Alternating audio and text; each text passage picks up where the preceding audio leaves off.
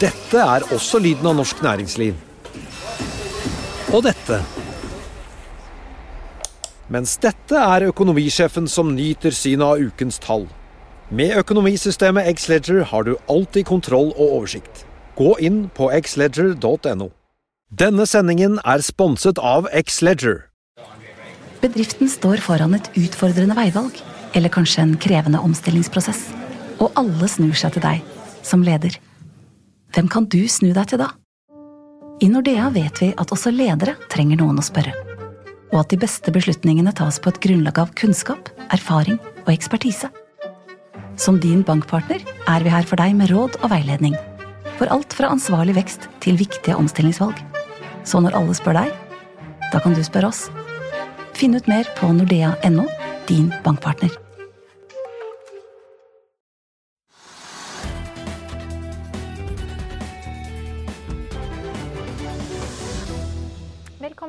Økonominyhetene og vår nyhetssending i dag, fredag. I dag skal vi se nærmere på hva som skjer på Oslo Børs. Vi skal innom eh, Asia og USA også. I tillegg så skal vi ha ukens oppsummert. Men først Trygve, så skal vi da til Oslo Børs, som er helt flat i dag. Så vidt ned 0,1% men fortsatt store utslag blant enkeltaksjer. Det er riktig. Og uh, det var jo flatt i går også. Så det kan si at flatt i går og flatt i dag. Uh, og ikke noe å trekke ut av oljeprisen. Den er på 43 dollar per fat, som den var i går. Så det er helt riktig som du sier, at hvis man helt tatt skal da si noe på en kjedelig børsdag, så er det det at det er ganske vesentlig og store utslag i selskapene vi har snakket mye om. Men før du? Ja, før, før, du slipper oljeprisen, så kan vi jo ta med oss at den ligger jo nå i dette holdt jeg på å si, intervallet 40-44 dollar. Og en veldig kjent eh, oljeanalytiker, Bjarne Schjelderup, mener at her må vi belage oss på å bli liggende en stund. For selv om vi fikk denne positive vaksinenyheten nå i begynnelsen av uken, så tar det lang tid før vi får vaksinen eh, distribuert og satt i stand. Så det, det der med at alle skal reise eller kjøre bil eller bevege seg mye, rundt i nærmeste fremtid, det det, det, er, eh, det er ingen som tror på. Nei. nei. det er ingen som tror på. Men oljeprisen har lagt seg der av forskjellige årsaker. Så de som har da kontroll med det, enten det er OPEC eller store kjøpere, eller hva som helst, så ser man at den prisen det er en balansepris. og Da har det ligget ganske lenge.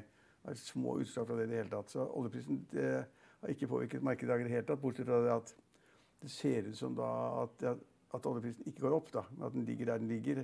Det er et visst press på oljeserviceaksjer. slik at de fleste av taperne på listen i dag de har med olje å gjøre. Ja, og Equinor og Aker PP er også ned rundt 1-2 ja, si det, er litt, det, er, det er ikke fordi oljeprisen har falt kraftig, men det er sånn usikkerhet, og man vet ikke hvor, hvor, det går. Så det er oljemarkedet. Men vi har jo da en aksje som, eh, som er vinneren i dag. Havyard. Havyard. Og det er, det er, ikke en interessant aksje, det er fordi at det er egentlig det Havila-familien. De, har, de har eh, ferger, og de har eh, hatt uh, tankskip, og de er inne, i, skal inn, inn, på kysten. og De, altså de driver mye rart. Og det er et verft som heter Havyard. Og de har et datterselskap, og, det er ikke gått noe særlig bra i Havyard, faktisk. Uh, så det har vært en veldig svak og dårlig aksje som har falt mye. Men så har de et datterselskap som driver da åpenbart med noe som jeg ikke kan så godt, med rensing av ballastvann i skip. Norwegian Greentech? Ja. Og det selskapet det har da fått en kjempeordre, sies det, i rederiet Wilson, som har da 120 tørrdalsskip, som skal rense da ballasttankene i de skipene. Og det har gjort at aksjen har da steget 70% Ja, nå er den faktisk opp 75 ja, og, Dagens desidert vinneraksje. Ja, eh, Men så vet man ikke helt hva dette vil gi av inntekter. Det er jo en kjempeordre. da, og, og Hvis den ordren også gir penger i kassa for Havyard eller datterselskapet, så er det kjempefint. Og øh, ja. Og tett bak så følger jo en annen aksje som også har fått en uh, kontrakt. altså Gaming Innovation Group, et sånt spillselskap, opp 16-17 akkurat nå etter, etter inngått en treårskontrakt med det latviske gamblingselskapet Admiralu Club. Så ja, det er vel kanskje verken deg eller meg vært mye inne på det. Nei, men det, Den har gått en del dager allerede, så det, det, hvis det har vært noe, vet vi ikke noe om. men altså det ja, det, det, det, er jo en tid for uh, gaming. Det må man jo kunne si. Ja, Koronapandemien har vel gjort at, eh, at de som har interesse for det, ja. har ikke mistet den under koronapandemien. Nei, nei. Men, men Havyard er vinneren, og så kan si gaming er uh, nummer to. Og så er det ikke så veldig mange spennende aksjer på den listen over vinnerne. Men hvis du går opp på hovedlisten, så ser du at Hydro er opp 5 i dag. Det er ganske mye. Den ligger nå rundt 33 kroner. Dagens mest omsatte aksje? Det har vært en kjempekjedelig aksje i flere år, syns jeg. og den Kursutviklingen i år har vel vært omtrent pluss-minus null, så det er null. Men den siste måneden har det gått 25% Og det har vært liksom mer interesse for det vi kaller da verdiaksjer. Store, tunge aksjer som da angivelig har store realverdier, gjør, produserer aluminium eller olje eller hva som helst. Eller biler. Altså, at, at, folk, at, folk, da har liksom vendt seg vekk fra det usikre i den koronatiden. og begynt å kjøpe de tunge verdiaksjene, sånn som Hydro. Og så har vel de også snakket det, mer om en grønnere strategi i lys av sin Er også? tredje kvartalsfremleggelse. Ja, ja, det er mulig, men, altså, det, okay, men aksjen er falt opp ganske mye på en dag. En såpass stor og tung aksje som Hydro at den går 5% til 33 kroner. Det har ligget noen og 20 kroner i flere år, holdt jeg på å si. Så det er, det er en positiv ting for Norsk Hydro og investorene i Norsk Hydro. Så må vi til taperlisten, for i dag er det fredag den 13., og det er i hvert fall fredag den 13. for aksjonærene i Kvantafjord. Ja, og det Kvantafjord har vi snakket mye om. Vi, da, eh, vi fikk jo også da selskapet presentert da vi hadde investordagen. Og jeg stilte også spørsmål til, sammen med deg til eh, ledelsen, eh, han som er da eh, gründeren bak, og som er administrerende direktør, Kjetil Bøhn. Så vi fikk en viss inntrykk i selskapet. Og hele poenget med, hele poenget med selskapet, da, forretningsideen, er jo det at de skal ta, får inn, eller får faktisk betalt for å få inn gamle, slitte plastposer. Og så gjør de plastposene om til olje. Og det har vi sagt mange ganger. spurt, ok, Det høres ut som en gøyal idé. Og de har startet med en fabrikk i Danmark. Og så har spørsmålet vært hele tiden, som jeg stilte også til Bøhn, det er liksom, er det noe tall? Er det tjener, hvor mye tjener man per, tjener man per liter eller fat eller olje, hva som helst? Det noe, har det noe tall å gi? Og det hadde, man, hadde da Bøhn da ikke. Og nå kom tallene for, for tredje kvartal. Og det var ganske skrekkelige greier, for de tapte 350 millioner kroner. Mot 40 millioner i tap i samme periode Ja. i fjor. 350, men det, Svaret er selvfølgelig at de er i ferd med å bygge denne fabrikken opp, og det koster penger å få den Ja, De satte den jo i, i produksjon i, i tredje kvartal. Ja, ja, Denne, ja. denne fabrikken i Skive, ja men, da, men- eller Skive som man sier. Skive i Danmark. man får ikke utgiftsført alt med en gang. så Det, liksom, det, litt, det går dårlig. Altså, det går veldig dårlig. og det, Nå var Bøhn så heldig at han solgte en del aksjer sine, så han fikk inn 65 millioner kroner i, da de hadde en emisjon. Så de fikk inn masse penger i kassa, så de hadde, kan, kan kjøpe andre selskaper for, eller drive, drive med underskudd for den saks skyld. Så solgte han da en del aksjer for å skaffe seg liksom at dette har jeg stiftet. Jeg har vært, han har vært inne i konkurs tidligere, et annet selskap. Nå sikret han en del penger for seg i sitt privatliv fremover, og det var sikkert veldig lurt, for det går veldig dårlig. Ja, for at Nå står jo aksjen i ja, rundt 46 kroner per aksje, og den var vel korriger meg Jeg jeg er husker- men var den ikke over 80 kroner på det jeg meste husker 72 der, men jeg tror det var litt mer enn det faktisk. Ja. 74-75 eller Så det er jo en, nærmere en halvering Ja. i aksjekurs. Men det, altså, poenget var at jeg og andre fryktet at det ville komme et veldig dårlig tall, for det tar tid å komme på beina, og man vet ikke om det de driver med er fornuftig. Og man vet ikke om det er, er mulig å drive det å få inn masse tonn med gamle plastposer og legge det i en eller annen maskin som gjør at det kommer ut olje i den andre enden. Det er jeg skeptisk til. Fordi, og hvorfor er jeg det? Jo, fordi at det, er liksom veldig lett i Saudi-Arabia, også i Nordsjøen for den saks skyld, å produsere olje. Da får du liksom opp, koster nesten ingenting. I Saudi-Arabia, eh, i det arabiske landet, koster det kanskje å produsere ett fat olje 2-3-4 dollar per fat. Og hvor mye koster det da å få de plastposene gjort om til olje? Det vet man ikke. Så jeg er skeptisk foreløpig, men altså, vi får se. Men foreløpig er det veldig dårlige tall. Ja, og så er det jo det er sikkert også dyrt å være de første som setter i gang med, med ny eh, Ja, produksjon. alltid, fordi at ikke sant, Oljeselskapene de hadde jo en kraftig knekk under oljeprisfallet bare for seks-syv år siden. Syv-åtte år siden er det vel nå. Eh, og nå produserer jo Hans Sverdrup snakker ikke om at de har en produksjonskostnad ned mot sånn 17-18 dollar fatet om lag. Liksom. Så det er klart at, men det er klart at å sette i gang med å være first mover da, innenfor denne Det- grønne teknologien det det, kan nok bli dyrt. Ja, og han skal, produsere, han skal ha nye fabrikker i Norge nordover i landet, og han skal også ha fabrikker i andre land. Men han har da alliert seg med store kjemiselskaper. Det er en veldig fordel. Han, og det har han klart å selge inn. Men, men, men tallene i dag viser bare at det, det er ganske langt frem. At de kommer til å tjene penger, og foreløpig taper de masse. Ja, det er et par andre aksjer som faller tilbake. Borr Drilling er ned 7 Vi ser, som du sa, Siem Offshore, Oddfjell Drilling, en del av disse oljeserviceselskapene faller tilbake. Ja, De hadde jo en sånn litt sånn oppgang, eh, rush, i denne uken, samtidig som vi fikk vaksinenyheten og en sterkere oljepris. Men, men da sa jo du at det at vi har, nå har en sterkere oljepris, det betyr jo ikke at disse oljeselskapene kommer til å løpe ut og bore nye brønner. Nei, og De skal ikke kjøpe mer seismikk, og de skal, gjøre, de skal gjøre veldig lite fortsatt. Veldig mange av de store oljeselskapene har sagt at våre leteprogrammer og våre liksom, budsjetter blir helt endret. Basert på det at man kanskje er det en helt ny, sånn, ny trend at oljeselskapene skal drive med fornybart istedenfor olje og gass. For eksempel, det er masse rart, at det er er tilbakeholdenhet når det gjelder de selskapene. Men de, i en liten periode så var de faktisk opp. altså Borr Drilling det var liksom en av vinnerne flere dager på rad. og De driver leting etter olje. Og plutselig nå er det taperen, og også andre riksselskaper var vinnere. og så nå er det tapere. Så det er komplisert å se. Ja, men det som vi må snakke også litt om, er at denne vaksinenyheten vi fikk i begynnelsen av uken, den har vært veldig positivt nytt for eh, reiselivsbransjen. Eh, og også flyaksjene, som har fått seg en kraftig reprising. Med unntak av Norwegian, som da ikke klarte å sikre seg eh, støtte fra staten. Ja. Men nå sitter altså konkurrenten SAS med 12 milliarder svenske kroner på bok. Eh, investorene rusher til aksjen, Trygve. Og hvorfor det? Ja, det er veldig enkelt. For det første, altså, Både SAS og Norwegian har jo problemer. Taper masse penger, selvfølgelig. og De fleste av flyene de har, står på bakken. Og det, resten av, og det gjelder altså resten av flyindustrien over hele verden. Men hvis Norwegian skulle gå konkurs, og det kan man ikke utelukke er, Det er sånn 50-50, eller kanskje i overkant burde det være større sannsynlighet for at de egentlig går konkurs, enn at de ikke gjør det. De har alle odds mot seg akkurat nå. Og hvis de gjør det, så er det selvfølgelig, i utgangspunktet en veldig fordel for SAS, som da på en måte kan ta en større del av innenlandsmarkedet, få prisen opp og tjene penger, kanskje. Så dette, dette at Norwegian går over ende, er, liksom, det, det er kanskje da veldig bra for SAS. Kanskje. I tillegg så har jo da SAS eh, lansert eh, et tilbud om fete bonuskort i gull- og diamantklassen. Ja, har du tatt eh, tilbudet? Nei, jeg har ikke tatt tilbudet. Men har du tatt tilbudet? Nei, I hvert fall Nordiske investorer har gjerne lyst på sånn gull- og diamantkort i SAS. Nei, jeg vet ikke, nei, men jeg tror Det er ikke så store fordeler man får, så det har jeg ikke tatt.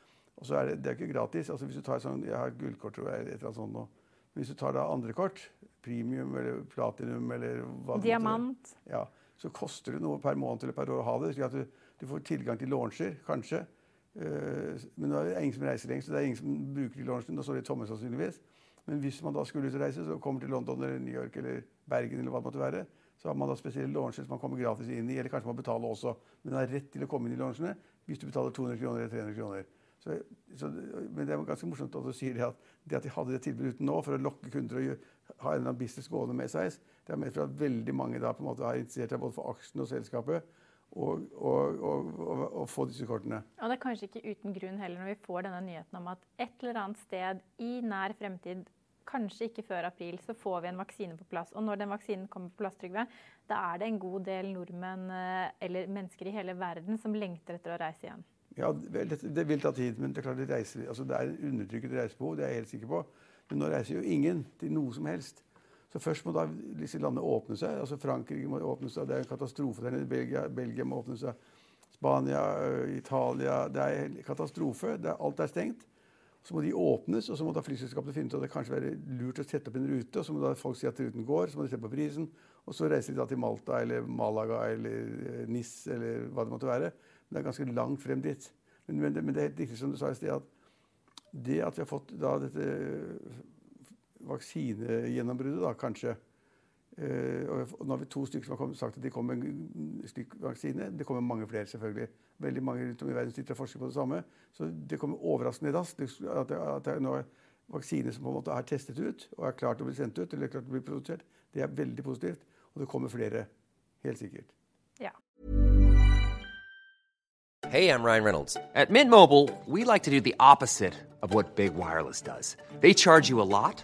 we charge you a little. So naturally, when they announced they'd be raising their prices due to inflation, we decided to deflate our prices due to not hating you.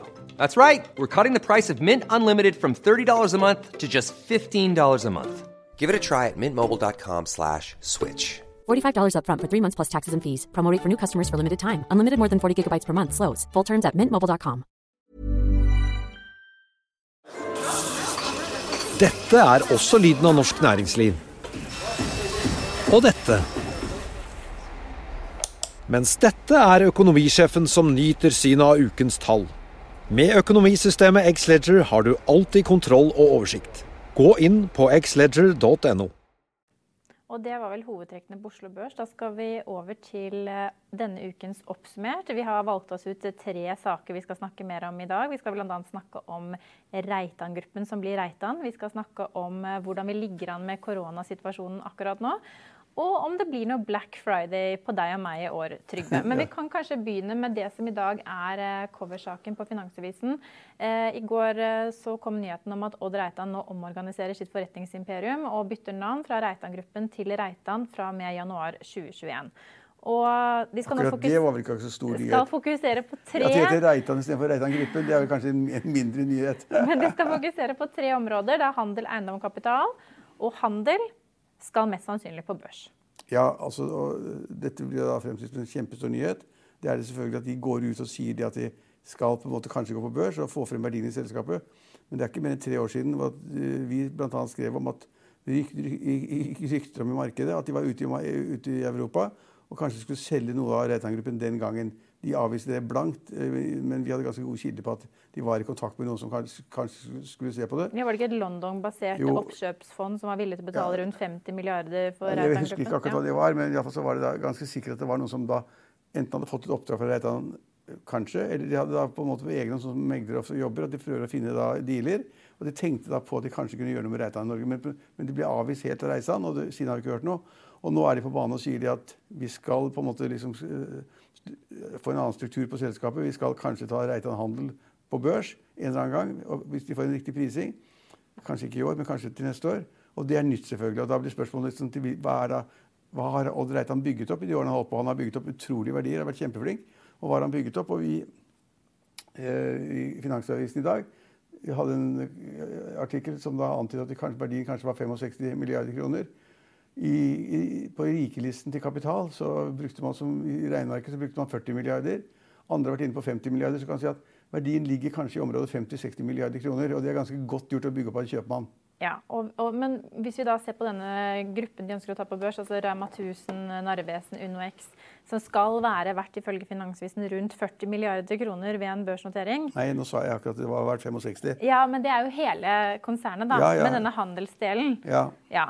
Eh, hvorfor ønsker eh, Odd Reitan å ta dette på børs nå? Det må du spørre han om. Eh, Jeg, altså, de har så mye penger de trenger. Altså, de, selve systemet, eh, gruppen tjener jo 3-4 milliarder kroner i året. Og det er nok til at liksom både han og sønnen hans, eh, Magnus og Ole Jakob, har nok penger. Det er jeg sikker på. Men det kan tenkes at de tenker seg at Ole Robert, mener du? Nå måtte jeg korrigere. Ole Jakob. Ole Robert og Magnus, ja. Ja. ja. At de har nok penger. Det tror jeg. De disponerer nok. Men det kan tenkes at de da ved å gå på børs kanskje skal selge De, de sier at de skal beholde majoriteten for øvrig. Det sier de, så de skal da ha mer enn 50 etter at de har vært på børs, og etter at de da solgte ut en del av selskapet for å få likviditet i aksjen. Helt sikkert ikke ha noen emisjon, så de skal selge en del av aksjene for å få da nye aksjonærer som har penger, som da skaper, skaper eh, likviditet i aksjen. Og da Hvis vi får solgt, la oss si de får solgt da 40% av, eh, av 65 milliarder eh, fem- fem- Casher inn 25 milliarder eller noe sånt, da. Det er fantastisk, men hva skal de gjøre med de pengene? Sette de i banken? Hvor mye rente får de der? Ja, Det vet vel du bedre enn meg, for du er vel også Ja, ja. på den rikinglisten. du, du, får, du får null omtrent, ikke sant? Så, så det å selge da ut en del av et system som tjener penger fordi de er gode hele tiden, de er kremmere, de har gode marginer og tjener, og selge ut store deler av det for å sette inn noe som er veldig usikkert, eller, eller de har kanskje tro på at de er så gode til å forvalte penger at de får da en avkastning som er da vesentlig høyere enn de får da i handel, altså i Reitan handel. Og I Reitan handel så hevder de hele tiden at de har bare marginer på 2-3-4% men så er da volumet kjempestort, og derfor blir det mye penger av det. Eh, Men ja, de tenker kanskje at hvis de går inn i finansmarkedet og konkurrerer med oljefond og andre, så kan det kanskje være en avkastning på 4-5-6-7% i året. Realavkastning. Kanskje. Jeg vet ikke hva de tenker på. Ja, for disse to andre, de to andre områdene i porteføljen er jo da som sagt eiendom og kapital, så da må, kan man det, jo kanskje det er sparebøstene. Ja. Eiendom skal de helt sikkert bli sittende med. for det er liksom da, altså Reitan Eiendom eier da alle de butikkene der hvor de er. Ikke alle, da, men veldig mange av dem. Så de er, på en måte da, så de er leietakere hos seg selv. Og, og, og Reitan Kapital det er noe da hvor de har spart opp en del av overskuddene som de da skal forvalte som, som, en, som et oljefond. da, Som en fin, fin, helt ordinær finansforvaltning. Så ja. Og i hvert fall så Det Finansvisen også kom frem til, er hvis og frem til fall det blir en eh, børsnotering eh, av eh, Rema hand, eh, Reitan Reitan- Handel, så, så blir det i hvert fall også en kraftig økning i Ja. formuesskatten. Det er et kjempemorsomt poeng. og Jeg kan, altså, kan liksom ikke tenke meg at Odd, Odd Reitan, som er såpass kremmeraktig og sikkert litt ja, Han er ikke gjerrig, kanskje, det er han vel ikke, men han har jo flere fly og greier, så han bruker penger som gress. Men, men at han da liksom går inn altså Det er jo slik at det er forskjellige skatteregler for da børsnoterte selskaper. Kontanter og liggende i banken, ikke sant? Og da ikke-noterte selskaper, hvor man da har en annen, annen verdi når du skal fastsette formuesskatten. Og det er mange fordeler vil da ikke være børsnotert, for da kommer da verdien mye lavere ut. Og hvis de skal gå på børs, så vil da de store, største verdiene bli da synliggjort, og vil bli da få en mye høyere verdi. Og sannsynligvis, altså, Det er mange alternativer der. også. det er ikke noe sikkerhet, det er ikke noe fasit. Men i alle fall Finansavisen, vi i Finansavisen kom da til at han kanskje, basert på det vi vet i dag, som er kanskje al- altfor lite, så vil han ut med, må han ut med en formuesskatt på 150 millioner i året eller sånn. Og. Ja, jeg tror det er mer. Mer enn det Ja, jeg tror det er mer. Jeg tror det er er mer, ja. Men, hvis Men nå er det jo denne aksjerabatten til regjeringen da, gjør jo at de slipper Nei, nei, men den blir jo borte om et år. Altså, Ja, for da- da får vi ny regjering.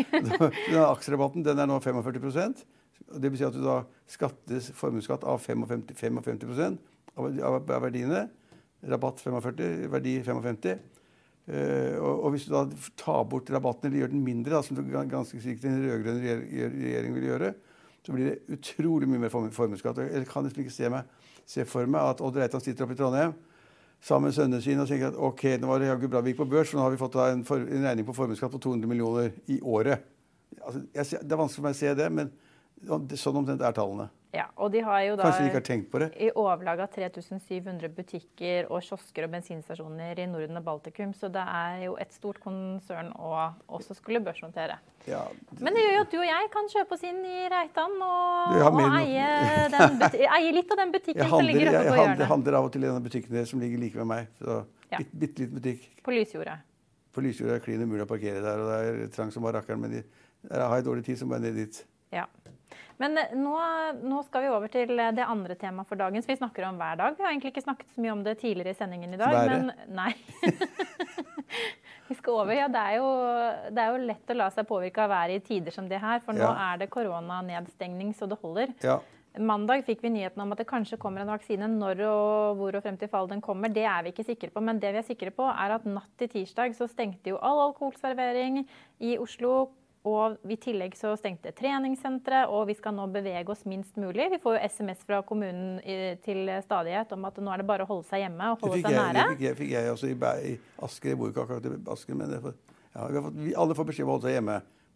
Ja, Og det gjør vi. veldig mange gjør det. De fleste gjør det, det er riktig. Ja, hvor- Men vi må jo ha mat, så vi, vi må uthandle mat.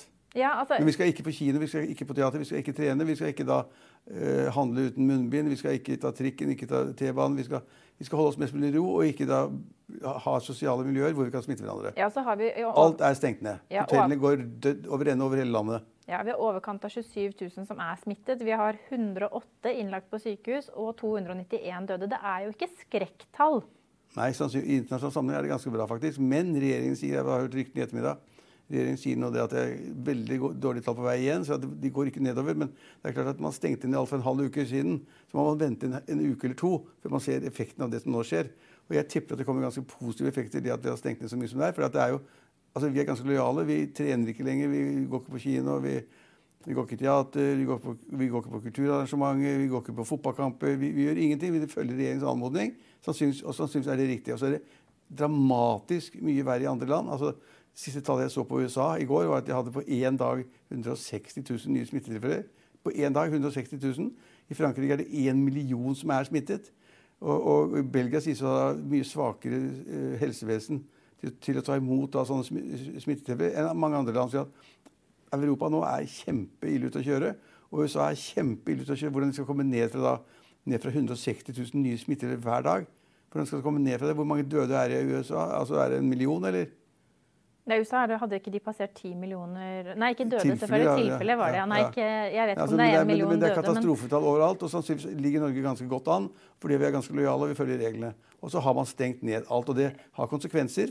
Folk mister jobbene sine, de som jobber i restaurant, ja, for det har vi sett denne uken, at eh, flere hoteller. søker eh, arbeidsledighetstrygd. Ja, men ikke bare det, men altså, hotellene stenger jo. Altså, eh, det ene hotellet etter det andre som nå har mistet av både konferansedelen sin, eh, vanlig forretningsreisedelen sin eh, de som skal ha Og weekendturer og handle. barer og alt er stengt. og Det er klart at det, må, det kommer en bølge av, av permitteringer nå, og også, og også oppsigelser. For det, det som skjer i reiselivet nå, har ingen tenkt seg muligheten av. Og det blir verre enn noen hadde trodd bare en uke tilbake. Ja, og så kan vi jo ta med at Et litt morsomt poeng som Erna Solberg hadde med da hun snakket eh, under en pressekonferanse i dag, var jo det at Telenor faktisk har sett på hvordan vi nordmenn nå beveger oss. Og i de største byene så var det mandag nesten 50% mindre bevegelse blant uh, folket. Og i Bergen var det 30% mindre bevegelse. Men, men de som er mest smittet, og de man er mest bekymret for som gruppe, det er jo disse ungdommene fra 13 til 19 år. fordi at de, de blir ikke så alvorlig syke, men de tenker kanskje heller ikke over at de er en smittekilde for resten av samfunnet. Nei, men jeg trodde det var 13 til 29 eller sånn. Ja, ja, Nå var det 13 til 19 jeg leste i dag, Ja, men det er jo klart 20 til 29 også er jo en, en gruppe som Men til å begynne med var det bare snakk om de gamle, altså var de som var mest utsatt. De som var over 70, over 80 osv. Nå ser vi at det er de unge som er For de er mest på byen. De løper rundt og tar på hverandre, klemmer på hverandre. Og gjør ikke det de skal. Nei. Men vi må belage oss på å leve sånn her en stund, må vi ikke det? Ja, jeg, jeg tror de, med de der vaksinene kommer i desember en gang. Allerede i desember-januar. Så det, det, skjer mye ganske raskt nå, da. Og så skal, skal, man da produsere 50 millioner eller 200 millioner piller eller dråper eller, eller sprøyter. sprøyter eller hva det måtte være. Det tar litt tid. men det, altså, det kommer ganske raskt nå. Men det tar tid før vi kommer i gang igjen. Altså, vi, har liksom, vi har funnet ut at hjemmekontor er bra for veldig mange. I, vårt, i Hegna Medie så er jo da tre fjerdedeler på hjemmekontor nå, og det er også pålagt. altså Det er jo ordre fra kommunen. Eh, så vi kommer ikke tilbake til normalt veldig raskt, tror jeg. Så det, er, det tar tid. Men, folk har spart opp veldig mye penger. For de har ikke noe å bruke penger på. Så, og det kommer de til å bruke til å reise med når, de, når, dette er over og man får lov til å reise igjen. Man får lov til å reise innenlands, man får lov til å reise utenlands. Ja. Og da, Det skal handle litt om penger når vi har det siste punktet vårt. Eh, og det, Da må jeg først spørre, Når du er på CC Vest, Trygve, er det da munnbind som gjelder fra du kommer inn inngangen? Ja. ja og det må vi alle andre og det har alle. Jeg har begynt med det for to uker siden så var det én av alle som var der, som hadde munnbind. Forrige uke var det alle som var der som hadde munnbind. Vi er veldig lojale, følger opp og gjør det riktige. Men likevel... Og jeg òg. Og vi vasker hendene, og vi Antibac antibac og, og vi gjør alt riktig. Men likevel så vil ikke regjeringen ha oss rekende rundt på kjøpesentrene nå. Og det går jo mot denne Black Friday, eller Black Får vi ikke lov til å være på kjøpesentrene? Ja, de skal helst ikke ha de. De skal vi, se an utviklingen. Vi må få mat. Altså, kan, det er mange steder vi ikke får lov å reke rundt, men i kjøpesentre, der må vi få lov å gå. Ja, man må få lov å gå, men hvis det blir sånn at man begynner å oppholde seg på kjøpesentrene Det er bare deg da, og dine som, som der, sitter der og sitter på kafé på kjøpesentrene. Det det er, vel, større andel pensjonister enn unge 30-åringer som ja, løper rundt på kjøpesentre. Vi handler på nett, vi vet, og det tar meg over til neste poeng. for det, Nå nærmer det seg da Black Friday eller Black Week, og hvordan blir det nå som vi har koronanedstengning? Tror du vi kommer til å se noe effekt på tallene? Altså Vi kommer sannsynligvis til å handle mye mindre. Altså, man, man tror ofte at liksom, den dagen da står folk i kø, særlig i Amerika, da, hvor det er opparbeidet det som en sånn superhandledag. og Da er det kjempekøer, og alle river ned dørene og slåss om varene osv. Det blir ikke det i år her. Altså, det blir ikke noe igjen i det hele tatt, sannsynligvis. Når var det så det var? Det, er, den pleier å være den siste uken i november. Eh, ja. og i fjor så det er ikke så dag. I dag er den 13. I dag er det fredag 13., og det holder, holder, holder lenge, det. Men, men, eh, man pleier å si at uh, omsetningen den uken da, hvor man har Black Friday, den i fjor så steg den 6,6 fra 2018, 2018 til 2019, mens Black Friday Norge, ja. Ja, den falt tilbake 1% for nå handler vi over lengre tid. Men nå sier jo regjeringen at de vil at vi skal handle julegaver allerede nå. For de vil ikke ha press på kjøpesentre. Eh, eller utlevering av pakker eh, på ulike terminaler og Det høres fornuftig ut. Mindre aktivitet, mindre mennesker, mindre press på hverandre. Det høres kjempefornuftig ut, og, det, og sånn kommer det til å bli også. Og du kjøper på nettet, det gjør veldig mange andre. Jeg kjøper ikke på nettet, men veldig mange øker andelen av det de kjøper på nettet. Og det skal de selvfølgelig hente pakken et eller annet sted, så det vil skape litt press. Men altså, vi, vi, vil ikke få en sånn derre vi, vi, vi, vil ikke få en handledag hvor hele landet bare venter på å bruke penger og stormer av gårde for å kjøpe klær eller hva det måtte være. Eh, elektronisk utstyr osv. Det får vi ikke i det hele tatt. det er det ikke tiden for. Vi kommer til å få en kjempenedgang i det, i det salget. Så handelsstanden er også blant de, de sektorene som vil være utsatt nå? For ikke alle, noen, altså bygg, bygg, Byggbransjen, altså disse her byggmakere, hva det måtte hete, de har kjempebusiness, for folk har ikke noe å gjøre. Og så er de hjemme og så skal de da male og pusse og øh, lage nytt skjul eller reparere hytta eller gjøre noe på taket eller hva som helst. Så alt som er i byggvarebransjen, de faktisk ser det ganske mer enn tidligere. Det er en bransje som har glede av det som, som foregår. Og så er det også slik at kjøpesentrene er opp. Fordi at folk går på kjøpesenter istedenfor å løpe rundt i forskjellige småbutikkene. Istedenfor å kjøre, kjøre rundt, for det vil man ikke, får man ikke lov til. Så kjøpesentrene er opp, øh, byggmakerforretninger er opp. Øh, noen har sagt også at sportskjedene er opp, fordi at folk da liksom må jo finne på et eller annet. Sånn som deg, du løper trener sikkert sju dager i uka. Da må du ha nytt treningsutstyr hele tiden. Hele tiden. ja. Det spørs om det er så mange som nei, ser nei, det i vintermørket. De, de, de, ser det faktisk at det er en trend til at folk da kjøper mer sportsklær og trene mer. Ja. Men har du handlet din første julegave, Trygve? Nei. Det har jeg ikke. Nå skal jeg gjøre det. Nei, det skal jeg ikke. Ja, Det må du gjøre snart hvis du skal følge regjeringens anbefalinger. Vi, ja. vi konkluderer med at det var ukens oppsummert. Ja. I Finansavisen i morgen så kan du lese Trygve Hegnars leder om at Arbeiderpartiet har lært av forrige, forrige skattefiasko. At finansdirektørbastionen er sprengt, og at uh, merkevarene stuper i verdi og 13 000 milliarder dollar er borte. Sendingen vår er tilbake mandag klokken 15.30. Da gjenstår det bare å ønske dere en riktig god helg, og følg med oss igjen da.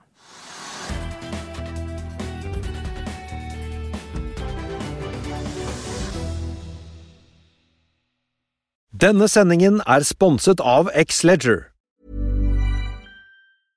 Imagine the softest sheets you've ever felt. Now imagine them getting even softer over time. That's what you'll feel with Bowl and Branch's organic cotton sheets. In a recent customer survey, 96% replied that Bowl and Branch sheets get softer with every wash. Start getting your best night's sleep in these sheets that get softer and softer for years to come. Try their sheets with a 30-night guarantee. Plus, get 15% off your first order at bowlandbranch.com. Code BUTTERY. Exclusions apply. See site for details. ACAST powers the world's best podcasts. Here's a show that we recommend.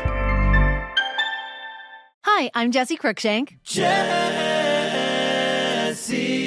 Cruikshank. I host the number one comedy podcast called Phone a Friend. Girl, let's phone a friend. Not only do I break down the biggest stories in pop culture with guests like Dan Levy and members of InSync, I do it with my own personal boy band singing jingles throughout because it's my show. It's your show, girl. New episodes of Phone a Friend Yeah. drop Thursdays wherever you get your podcasts. So work it, girl. Yeah, work it. Okay, that's enough. ACAST helps creators launch, grow, and monetize their podcasts everywhere. ACAST.com. Økonominyhetene er en podkast fra Finansavisen. Programledere er Marius Lorentzen, Stein Ove Haugen og Benedikte Storm Bamvik. Produsenter er Lars Brenden Skram og Bashar Johar. Og ansvarlig redaktør er Trygve Hegnar.